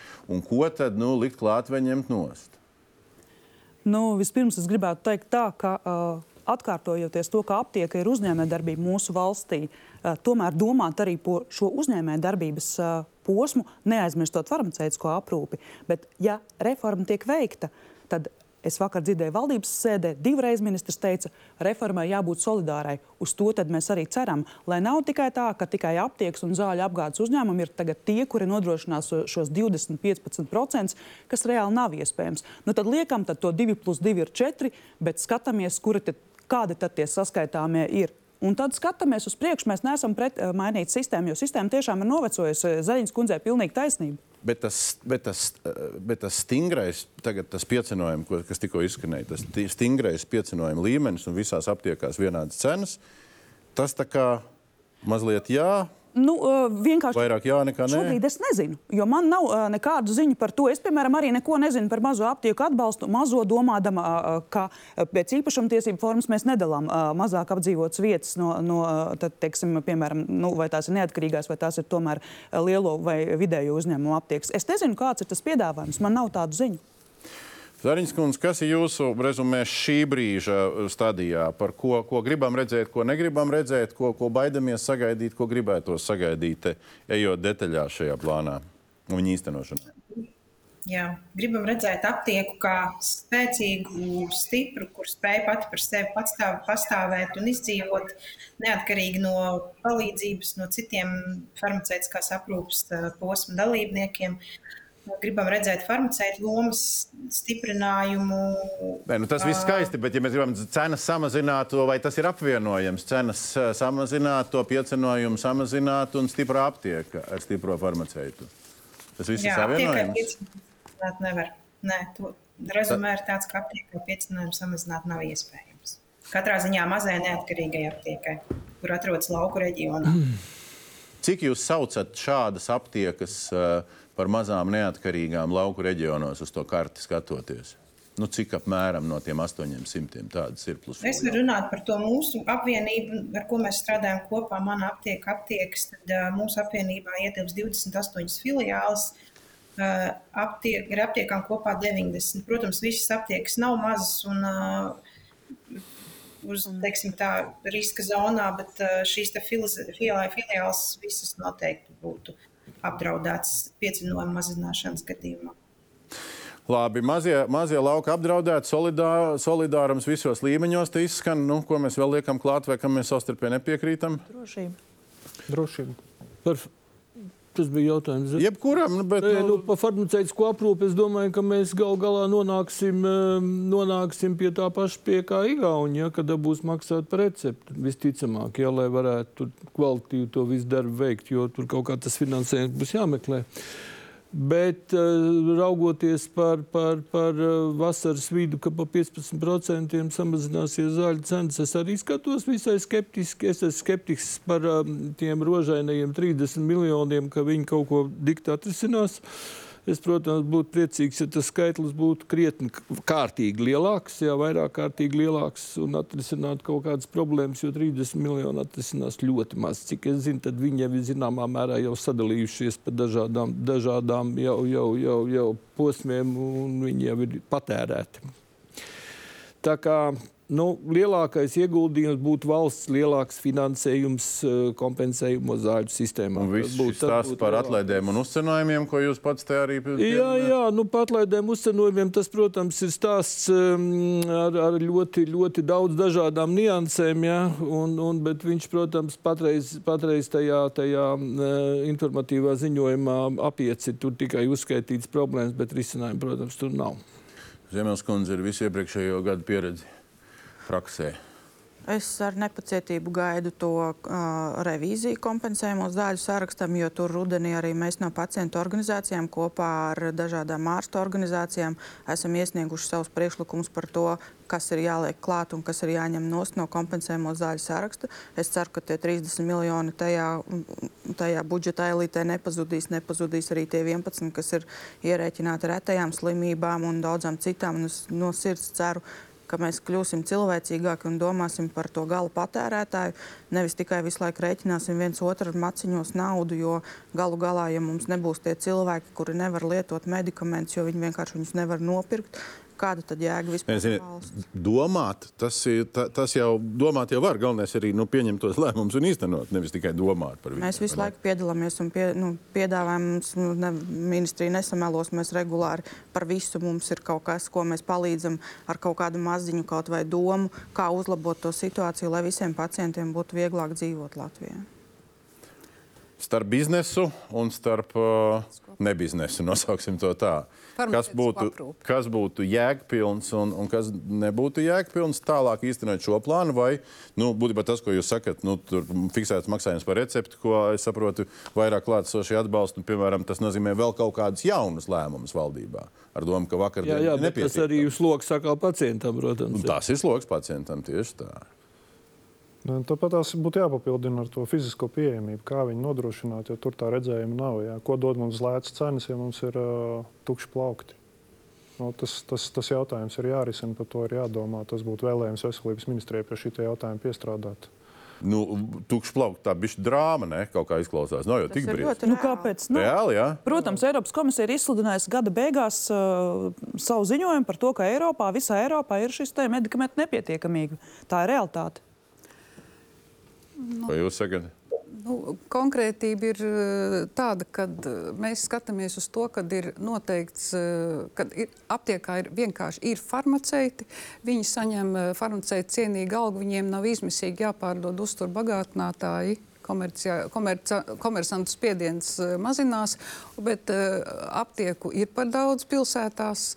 Bet, uh, lai farmaceiti uh, būtu pietiekošā skaitā, un te ir šie farmaceitiskās aprūpes kvalitāte un tas, uh, kā cilvēki lieto zāles. Varbūt, ka viņi zāles pērk vienkārši par daudz. uh, Jo viņiem Labi, tas ir cilvēku tajā izglītošanā, bet tajā farmaceita lomā nu, tas nozīmē lēmumi, kas ir jau kaut kas cits nekā vakar valdībā pieņemti. Jā, nedaudz citi, ja, jo mēs vēlamies konkurēt ar farmaceitisko aprūpu, ar kvalitāti, nevis ar cenām. Konkurēt ar farmaceitisku aprūpi. Nu, tas, laikam, varbūt nav konkurences padoms uh, Nu, nu, tas- īsti Būtu vir, interpretācija. virziens, tādā uz, izpratnē. ja mums ir ģimenes ārsts, tad būtu ģimenes farmaceits. E. Kaut vai, un arī šie aptieku pakalpojumi. Viņi jau tagad kaut kā ir atļauti, ja, bet ir šī izmisīgā tieksme pēc uh, aptiekas plāna pildīšanas, pēc naudas, un aptiekas viņus neveic. Bet nauda. aptiekas pakalpojumu attīstība, nu, tā ir plaša tēma, kas ir cilvēkam nepieciešama, lai būtu racionāla, normāla zāļu lietošana. No konkurences padomas perspektīvas un, un, un kompetenci robežām, ko mēs te izskanējām, un kas ir un kas nav, kas te būtu jāliek klāt vai kā būtu jāīsteno vakardienas lemšanas uh, virzieni. Nē, nu, tas ziņojums pirmkārt ir ļoti, nu, teiksim tā, jūs teicāt, ka tur kaut kas nav, bet, nu, teiksim tā, tajā Klātsošie saka, apjomīgs. ka nav šis tas. Un īsos termiņos paredzēts. Nu, tad uh, droši vien, kad mēs labprāt redzētu, ka viņš tiek realizēts tajos, tajos virzienos, kur tika ieskicēti ar konkrētiem risinājumiem, jā, un tiešām tajos termiņos, ja tie termiņi nu, jā, ir tādi. Protams, būtu ļoti labi, ja būtu arī ekonomiskais novērtējums. Jā, attiecībā tas tur var arī izmantot mūsu iepriekšējos ziņojumus, vismaz metodas, kā mēs piegājām šī tirgus novērtēšanai. Es domāju, ka tas, tas ir izpildāms jautājums, protams, kā, kā to ir iecerējusi veselības ministrija realizēt. Nu, cerams, re, redzēt to rezultātu, jā, kad ir. Bet attiecībā, protams, uz aptieku tīkla organizāciju, nu, kā mēs saprotam, tad šajā gadījumā mazinot piecenojumu ir tā kā Ja, ja mūsu aptieku tirgus jau tagad ir regulēts un cenas ir maksimālās noteikti, tad patē, pat, nu, teiksim, tā nevar būt kaut kādas absolūti neiespējamas cenas. Tad šajā gadījumā, mazinot piecinājumu, protams, tiek samazināta šī iespēja konkurēt ar cenu. Bet vienlaikus, protams, tas, tas nu, ņemot vērā, ka regulēts tirgus var nest iegūmus patērētājiem, par kuriem mēs runājam tieši attiecībā uz vertikālo integrāciju, uz ražotāju atlaidēm, lieltirgotavām un vispārējo. Parlamentārā sekretāra eh, noslēgums var kaut ko apsolīt kādam, kas te, eh, tiek vēlējumu izpratnē teikts, ka tas notiks tas virziens. Ja paliekam pie tā, ka ir atvērti jautājumi, atvērti jautājumi diskusijai, un tad arī spriedīsim. Darba mums noteikti ir daudz, un mēs nekavēsimies jau nākamā nedēļa sauksim visas iesaistītās puses pie galda runāt par kompensāciju zālēm, tieši ko Ziemas kundze jau pieminēja. Un, uh, tas ir tas mūsu pirmais mājas darbs, tiešām arī tos 30 miljonus vai iespējams pat nedaudz vairāk pielikt klāt. Uh, tad uh, tālākais ir, protams, ejam uz to jauno mehānismu kompensācijai ar galveno virsmē, virsmērķi jau šogad panākt reālu cenas samazinājumu gala patērētājiem, it īpaši, kas būs ļoti svarīgi arī riska grupām, sociālām riska grupām, senioriem un tiem, kas maksā ļoti daudz par kompensējumām zālēm, un viņiem to efektu arī iedot. Un par pārējiem tad atvērtie jautājumi, kādi tie uzcinojumi, kam uzcinojumi, lauki, pilsētas, pierobežas. Tie pa- pārējie jautājumi arī, protams, tiks paralēli risināti, bet šīs ir tās divas pirmās un galvenās lietas, kas mums nu, šobrīd, tuvākajos mēnešos, ir paredzētas. Bet uh, darba šeit būs daudz, un uh, visām iesaistītajām pusēm, un iesim diezgan bieži arī uz ministru kabinetu un arī uz saimnu. Jā, man pats pēdējais mazais jautājums. Ja jūs zināt, vakar pirms šī jautājuma ministra kabineta apstiprināja rīcības plānu. Mhm. Rīcības plānā ir mums šeit garām ejot pieminētais eh, PVN zālēm, kuru nu, tā grupa, kas atkal sanāks un atkal spriedīs un atkal domās, atkal vērtēs. Bet tas, ko mēs te visu vakaru runājam, zāļu cenu samazināšana, rīcības plānā jēdziens zāļu cenu samazināšana nav. Kā jums tā gadījās neierakstīt rīcības plānā, ka samazināsim zāles, jo tagad ir tāds rīcības plāns, kuru pēc mēneša vai pēc gada caurskatot, nebūs punkts, ka viņš neizpildīts par samazināšanu. Nu, Mums viņš ir- jau neparedz vienu dokumentu. Tur tak būs daudz ministru kabineta noteikumu dažādi. Viņi jau neie- neietilpst vienā dokumentā. Jā. Viņi būs dažādi. Tieši tā, mums ir apstiprinātais informatīvais ziņojums, kuram mums tā vai citādi jāsako līdzi. Tas tā gadījās. Un Tā ideja varbūt vienkārši nebija sākotnēji, es domāju, drīzāk tā. Nu. Kā jau te tika minēts, šīs idejas te pa ministriju staigājušas gadiem, un tad viena nāk uz klāt, tad nāk uz nost. Lobbyists droši vien turpinās cīnīties arī, arī turpmākos mēnešos. Droši vien, ka mēs arī šajā studijā ar jums tiksimies un parunāsim tālāk. Paldies visiem par uh, sarunu šai vakarā. Zarins kundzei neklātienē, visiem pārējiem klātienē. Paldies pacientiem un uh, eventuālajiem, lai jums visiem laba veselība turpinājums sekos.